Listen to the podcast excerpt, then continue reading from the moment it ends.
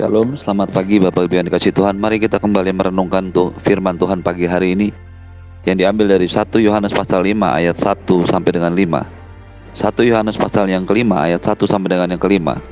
Iman mengalahkan dunia. Setiap orang yang percaya bahwa Yesus adalah Kristus lahir dari Allah dan setiap orang yang mengasihi Dia yang melahirkan mengasihi juga Dia yang lahir daripadanya. Inilah tandanya bahwa kita mengasihi anak-anak Allah yaitu apabila kita mengasihi Allah serta melakukan perintah-perintahnya. Sebab inilah kasih kepada Allah, yaitu bahwa kita menuruti perintah-perintahnya. Perintah-perintahnya itu tidak berat, sebab semua yang lahir dari Allah mengalahkan dunia. Dan inilah kemenangan yang mengalahkan dunia, iman kita. Siapakah yang mengalahkan dunia? Selain daripada dia yang percaya bahwa Yesus adalah anak Allah.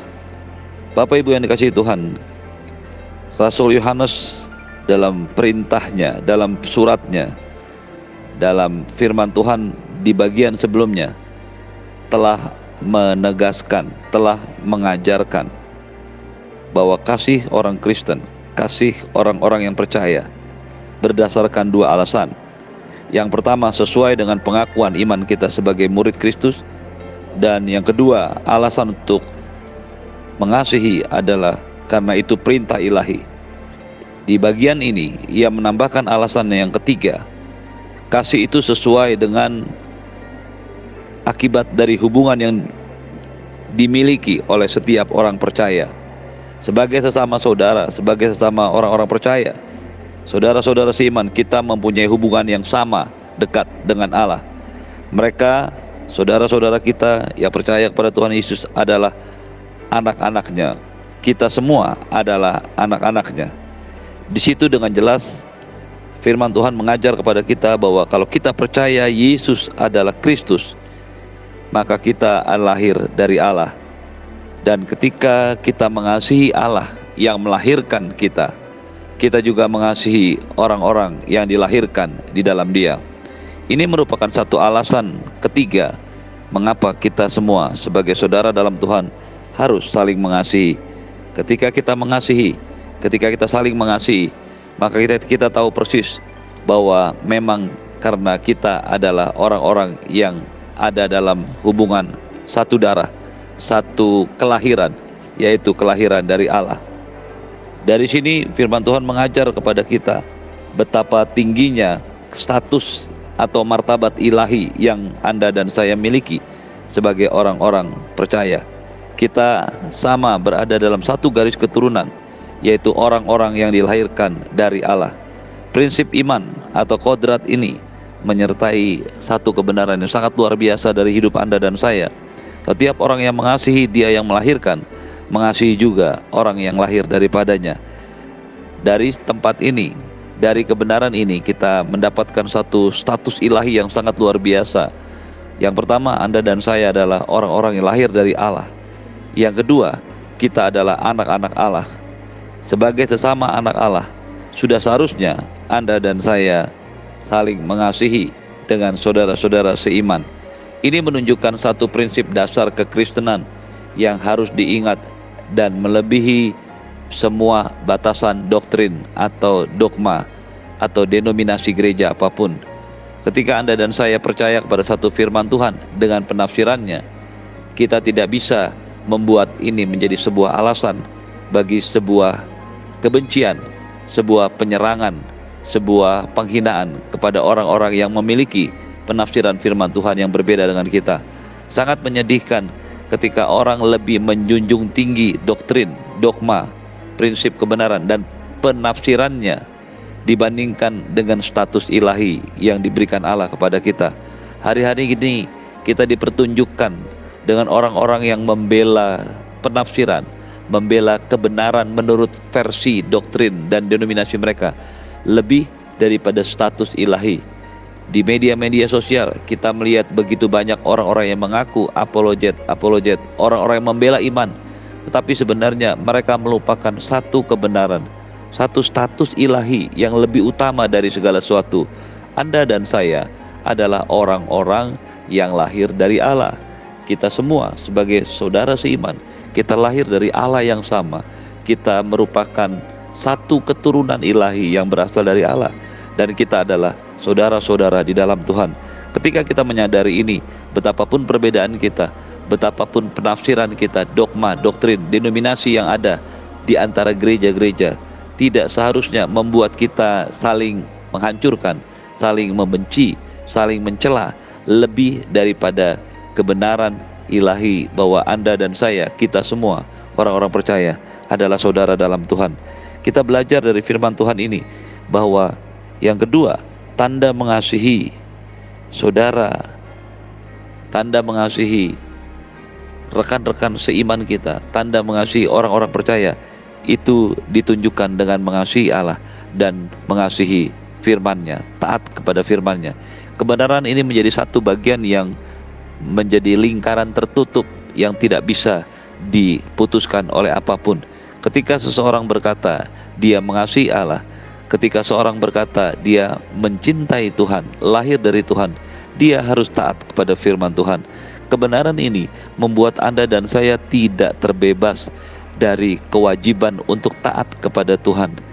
Kebenaran ini tidak membebaskan Anda dan saya dari berleha-leha atau tidak punya tanggung jawab ilahi untuk taat kepada firman Tuhan. Betul, sekali lagi, keselamatan yang Anda dan saya miliki, status ilahi, rohani, sebagai anak-anak Allah, didapatkan bukan karena perbuatan baik, bukan karena ketaatan kita, tetapi karena kasih karunia Allah. Tetapi setelah Anda dan saya menerima kasih karunia Allah, lahir dari Allah, maka Anda dan saya tetap harus menunjukkan buktinya bahwa kita memang mengasihi Allah. Kita memang lahir dari Allah, yaitu dengan cara mentaati perintah-perintahnya. Dan bagian yang ketiga, unsur yang ketiga dari lingkaran tertutup ini adalah mengasihi saudara-saudara. Menjadi satu hal yang menyedihkan ketika seseorang berkata mengasihi ta, mengasihi Allah, ketika seorang berkata dia taat kepada perintah Tuhan, tapi sebaliknya dia membenci saudara-saudaranya. Apa pun perbedaan kita, apa pun perbedaan penafsiran kita, apa pun perbedaan organisasi atau gereja kita, tidaklah sepatutnya kita saling membenci, kita saling mengumbar kebencian, kita saling mencela, kita saling menyatakan kelemahan atau kekurangan yang lain. Ketika Anda dan saya menunjukkan satu kebenaran firman Tuhan, biarlah itu disampaikan tanpa menjelekkan orang lain. Ketika Anda dan saya belajar memahami ini, mengasihi Allah itu taat dengan perintahnya dan melakukan firman Tuhan dengan cara mengasihi mereka. Kita boleh menyatakan kebenaran, tapi tidak menyertakan kebencian. Yang ketiga, kita belajar dari sini, kasih kepada Allah itu selalu ditunjukkan dengan melakukan perintah-perintahnya yaitu ini yang dikatakan di dalam ayat yang kedua apabila kita mengasihi Allah serta melakukan perintah-perintahnya. Sekali lagi ini merupakan sebuah lingkaran tertutup yang tidak bisa terputuskan.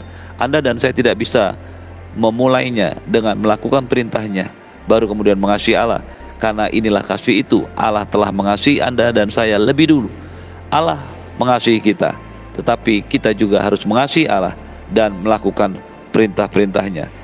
Itu sebabnya ketika Anda dan saya melakukan kebenaran ini, maka kita tahu bahwa kita berasal dari Allah. Bapak Ibu yang dikasih Tuhan, ada dua ekstrim yang selama ini ada dalam pengertian setiap orang percaya. Yang pertama, mereka yang terlalu menekankan kepada legalistik, kepada peraturan-peraturan, berpikir sebaliknya dengan semakin taat, dia semakin berkenan dan mendapatkan kasih karunia Allah. Tentu saja ini prinsip yang salah. Ketaatan kita kepada Tuhan dilandasi oleh kasih Allah kepada kita dan kasih kita kepada Tuhan.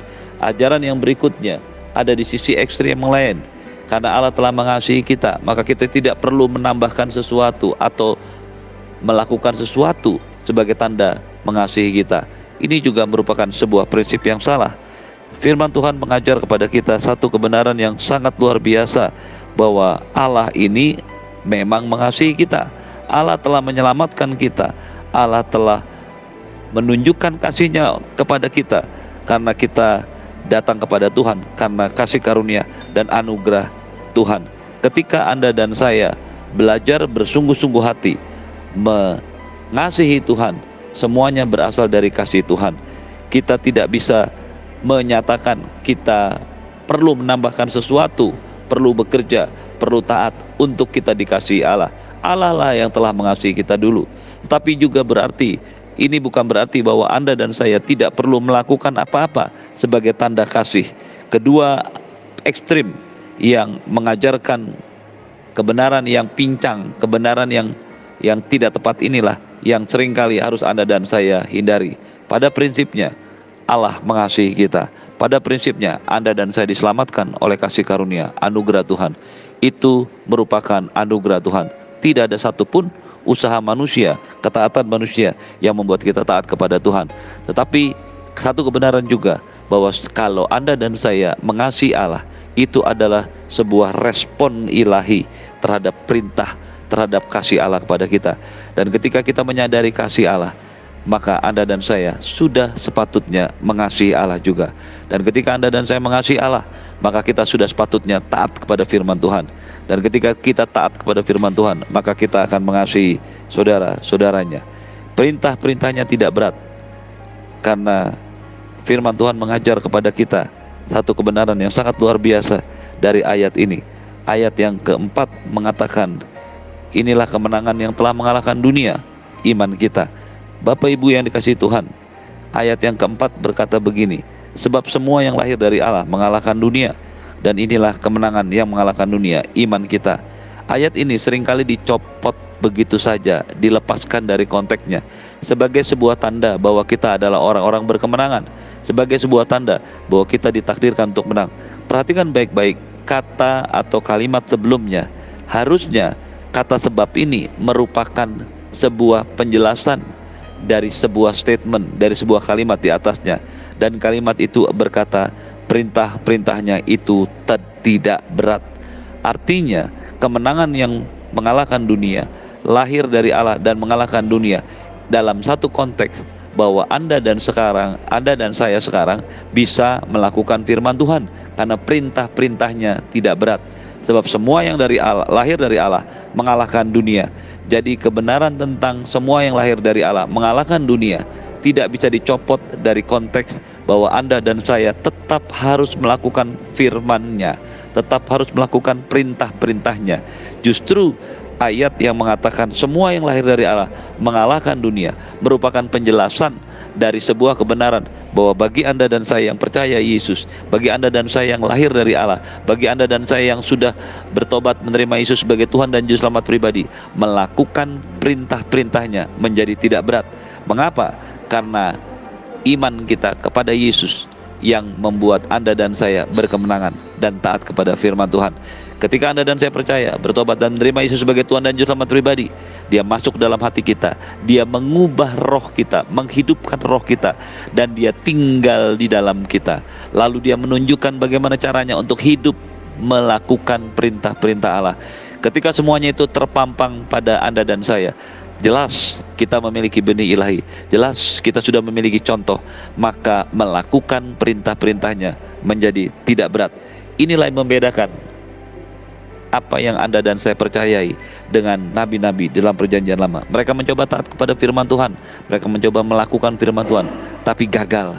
Karena apa? Karena mereka tidak punya benih ilahi. Yang kedua, karena mereka belum melihat atau belum memiliki sampel ilahi. Anda dan saya beruntung berbahagia dan diberkati karena buat Anda dan saya kita sudah diampuni dosanya. Roh Allah kembali tinggal dalam diri kita. Kita memiliki benih ilahi dan kita memiliki sampel. Tidak ada alasan lagi untuk tidak bisa melakukan perintah-perintahnya. Siapakah yang mengalahkan dunia selain dia yang percaya bahwa Yesus adalah anak Allah? Ketika Anda dan saya percaya Yesus adalah anak Allah, dia akan masuk dalam hati dan hidup kita. Dia menjadi benih ilahi dan kemudian dia memberikan sebuah contoh kehidupan, tutorial bagaimana supaya hidup. Dan itulah yang Anda dan saya hidupi hari ini. Sehingga bagi kita melakukan firman Tuhan itu tidaklah berat lagi. Terimalah berkat yang berlimpah dari Bapa di surga, cinta kasih dari Tuhan Yesus, penyertaan yang sempurna dari Roh Kudus menyertai hidup Anda dan saya hari ini dan sampai selama-lamanya. Di dalam nama Yesus semua yang percaya katakan amin. Shalom, selamat pagi. Tuhan Yesus memberkati, selamat beraktivitas.